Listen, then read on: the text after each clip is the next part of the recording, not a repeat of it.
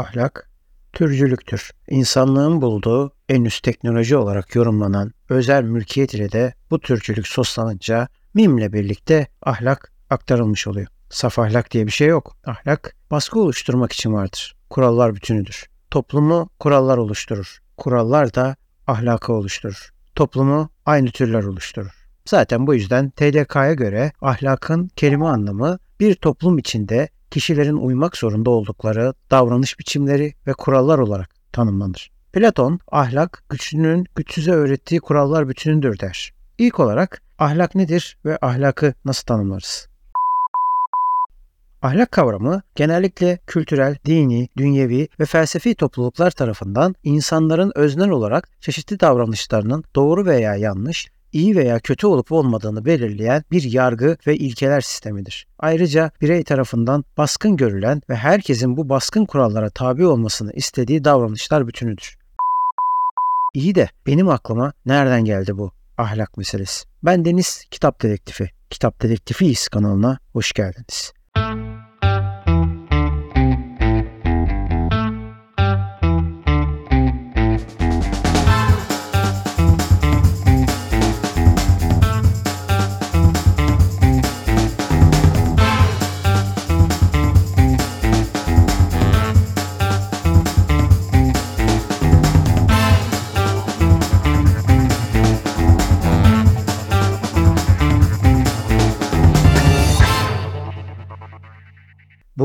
ahlak meselesi benim kafamı uzun zamandır fazlasıyla karıştırıyor. Neden? Aslında hemen hemen tek bir sebepten. Son günlerde Titanic'in tekrar hayaletinin ortaya çıktığı konuşuluyor. O meşhur minik denizaltının hani şu oyun konsoluyla hareket ettirilen güvenliğin de çok önemli olmadığı ve daha önceleri birçok kere batacağına ve arıza vereceğine ikazlar yapılan o denizaltının batmasıyla daha doğrusu kağıt gibi yok olmasıyla meydana gelen durumdan geldi aklıma ahlak. E doğa olayından bahsediyoruz. Ne alakası var? Aslında tam olarak öyle değil. Bütün dünya medyasının tamamen bu aslında içinde 5 kişinin olduğu kaptanı da dahil edersek ki o da milyonluk bir insan olduğu ortaya çıktı. Hep beraber kağıt gibi yok olmasından bahsettik. Neden bahsediyorum? Çünkü aslında bu kadar insan varken, bu kadar insan bir sınırdan geçmeye çalışırken yok olurken ya da bu kadar insan sadece NATO'nun çıkartmış olduğu bir savaşa dahil olmak istemediği için sınırdan geçerken öldürülürken ya da doğada bundan dolayı ölürken biz bunların hiçbirisinde konuşmuyoruz. Bunun yerine konuştuğumuz bir konu vardı geçtiğimiz haftalarda. Neydi bu konu? Aslında milyarder olmak yeterliydi konuşmak için. Ne kadar kolay bir insanın canı değil mi? Evet.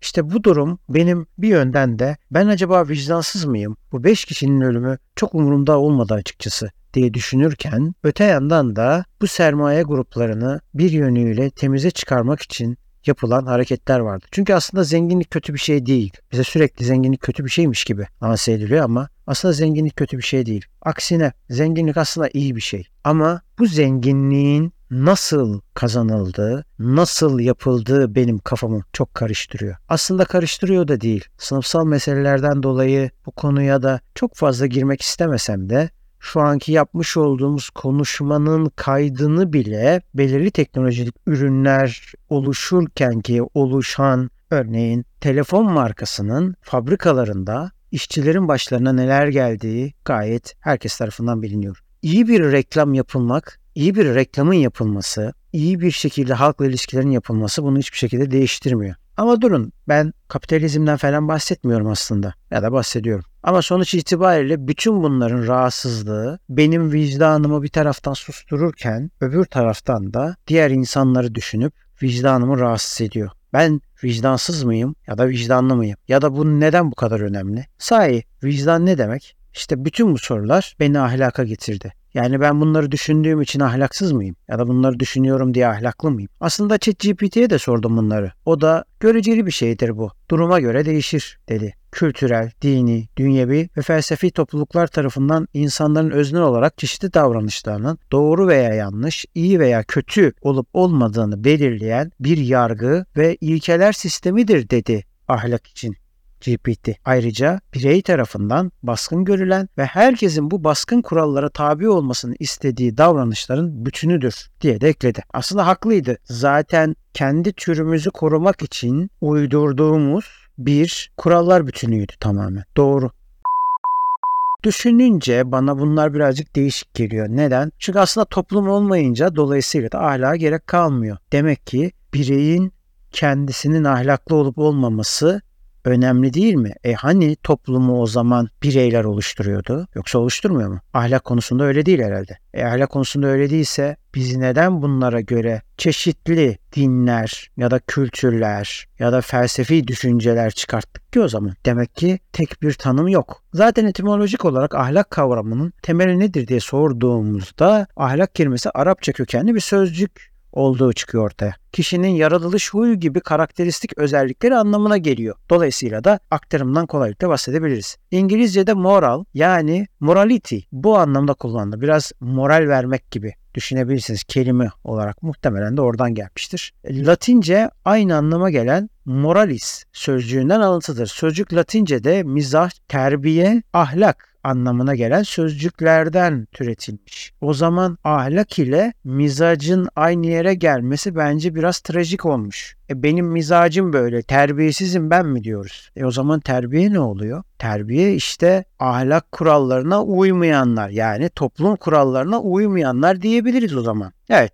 ahlaktan bahsettik. Erdem'den de bahsetmesek olmaz. Peki ya erdem nedir? Ahlakın övdüğü ve ahlaklı olmanın getirdiği niteliklerin ortak adıdır. Felsefi erdem terimi için insanın ahlaksal olarak iyiye yönelmesi diyebiliriz. İyi de iyi ne demek o zaman? İyi ya da kötüyü neye göre belirliyoruz? Aslında özel mülkiyetle başlıyor her şey. Tamamen sınırcılık üzerinden. Bunu bütün hayvanlar yapıyor ya da diğer canlılar da yapıyor. Burası benim sınırım diyor. Devam ediyoruz. E biz ama aklımızı kullanıyorduk. Dolayısıyla da diğer canlılardan farklıydık hani. E demek ki değilmişiz. Çünkü özel mülkiyetle başlıyor bu ahlak, toplum tırnak içerisinde kurallar meselesi.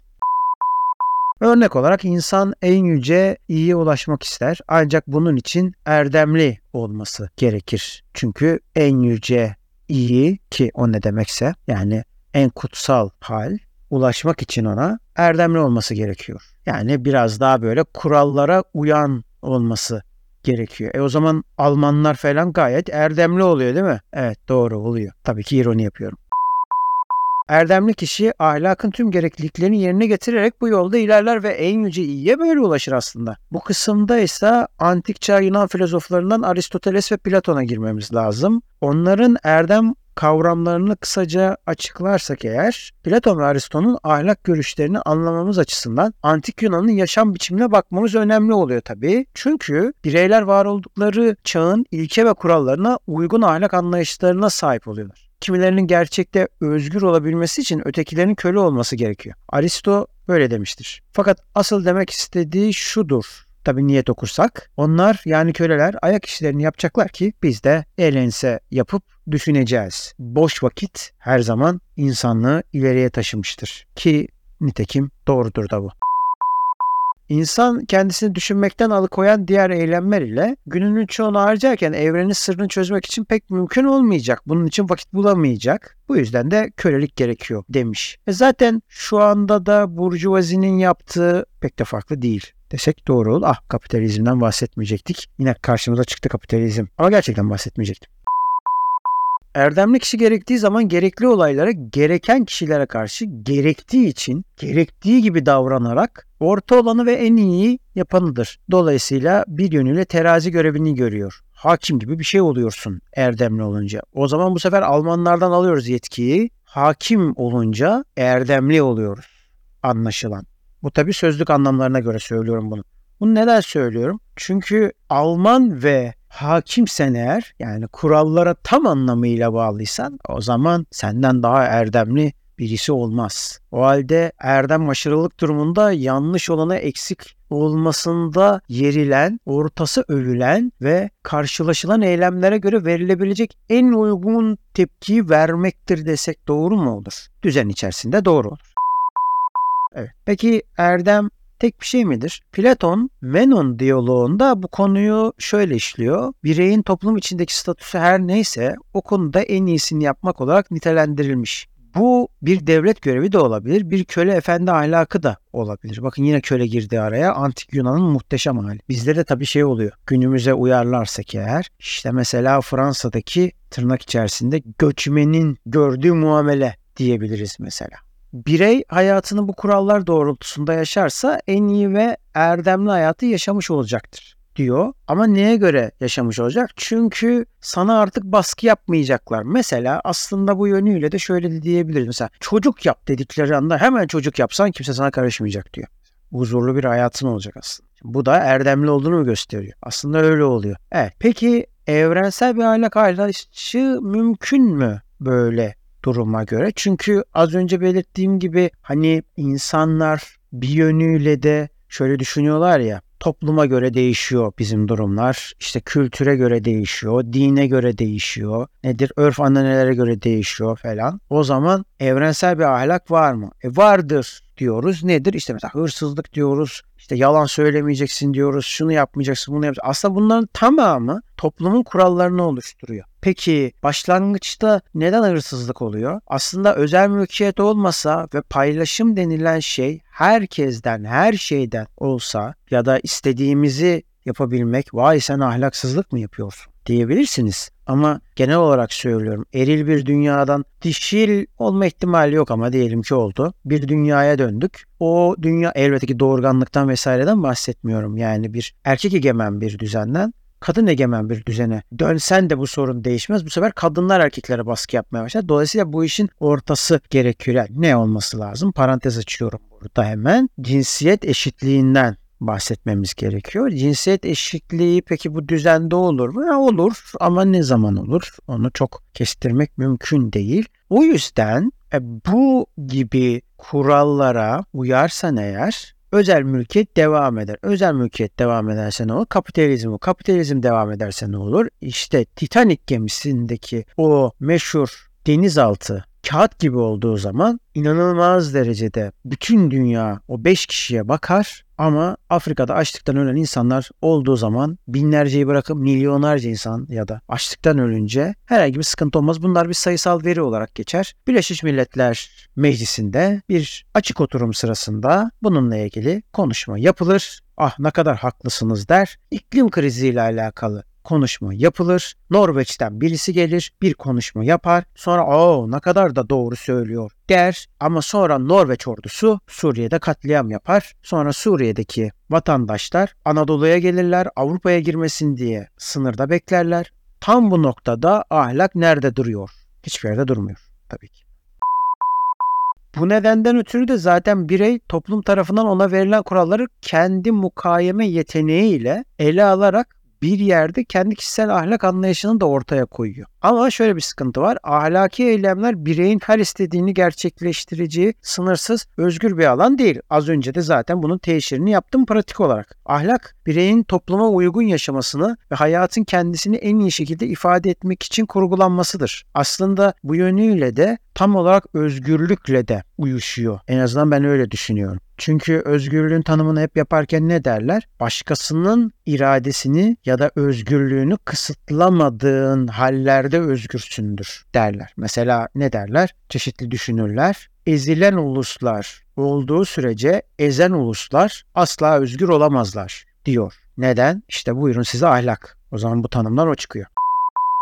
Ahlaklı olmayı neye göre temellendiririz? Aslında buna göre temellendiririz. Bu soruya da Kant'ın etik ve ahlak üzerinden ele aldığı yazılarına yola çıkarak bazı cevaplar verirsek eğer bir eylemin iyiliği, doğruluğu veya kötülüğü yapıldığı esnadaki niyete bağlıdır diyor ama bu niyeti hiç kimse okuyamayacağı için ödeve uygun olup amacın kendisi için olan salt iyiyi gerçekleştirip gerçekleştiremediğine bakmalıyız diyor Kant. Ahlak dünyasının kanununda ise insan iradesini yöneten yapmasını çünkü yapabilirsin buyruğunun insan kendi davranışlarına genel bir kanun olmasını isteyebilmelidir. Bu genel olarak ahlak bakımından yargılamanın ölçüsüdür aslında. İnsanlığı kendine ve başkasına hiçbir zaman bir araç olarak değil de hep bir amaç olarak görecek gibi yaşamalıyız. İnsanları araç değil de amaç olarak görebilmek Kant'ın ahlak felsefesinin temeli oluyor. Çünkü hani sürekli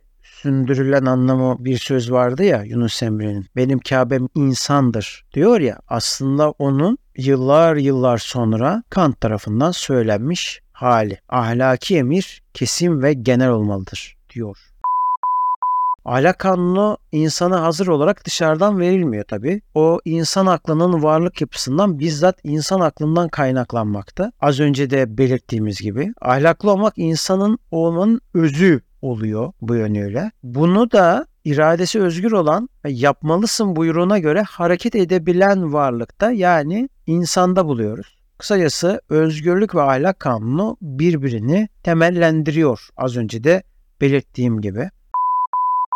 Bu salt iyiden bahsetmiştim az önce ve bu salt iyi için de şunu söyleyip toparlayıp bitirelim. E, salt iyi diye bir şey yok. Çünkü iyinin hangi koşullarda neye göre nasıl olduğu zaten bir tartışma konusu olduğunu az önce dile getirdim. Dolayısıyla da bunu kapatmak için aslında bir tanrı ihtiyacı doğuyor ve buradan da tanrıyı var etmeye başlıyor. Tanrı da sonra onu var ediyor. Dolayısıyla da bunun bir yansıması tabii ki dinler olmaya başlıyor. Oldukça dindar bir Hristiyan olan Kierkegaard inanç konusundaki fikirlerini hem bilgi hem de ahlak görüşleriyle destekliyor zaten. Felsefesinde genel olarak toplum yerine bireyi öne çıkartıyor. Evrensel bir ahlak anlayışına karşılık inanç ve hakikat anlayışıyla yakından ilişkili öznel bir ahlak anlayışını da savunuyor böylelikle. Ve bunun yalnız madalyonun öteki yüzü var. Bunda da mükafat arzusu ve ceza korkusu var.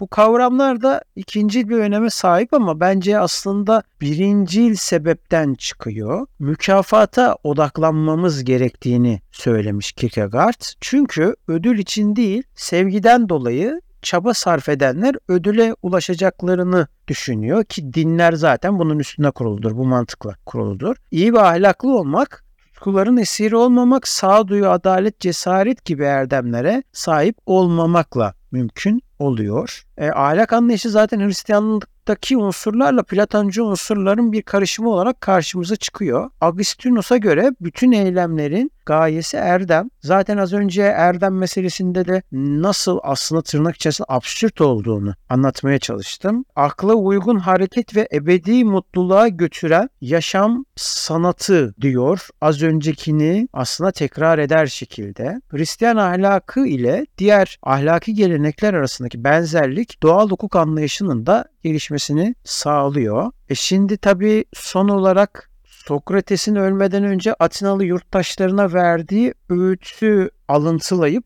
bitirmek daha doğru olacağını düşünüyorum. Tam olarak ahlakı anlatıyor aslında. Sizlerden dileyeceğim bir şey daha kaldı. Oğullarım büyüyünce erdemden başka bir şeylerin adına düştüklerini görürseniz ben sizlerle nasıl uğraşmışsam sizler de onlarla öyle uğraşınız. Kendilerinin bir şey olduklarını düşünürlerse ben sizlere nasıl azarlayıp utandırmışsam sizler de onları öyle azarlayıp utandırınız. Bunu yaparsanız bana ve oğullarıma karşı doğru davranmış olursunuz. Ayrılma vakti geldi artık. Yolumuza gidelim. Ben ölmeye, sizler de yaşamaya. Hangisi iyi? Tanrı'dan başka kimse bilmez bunu.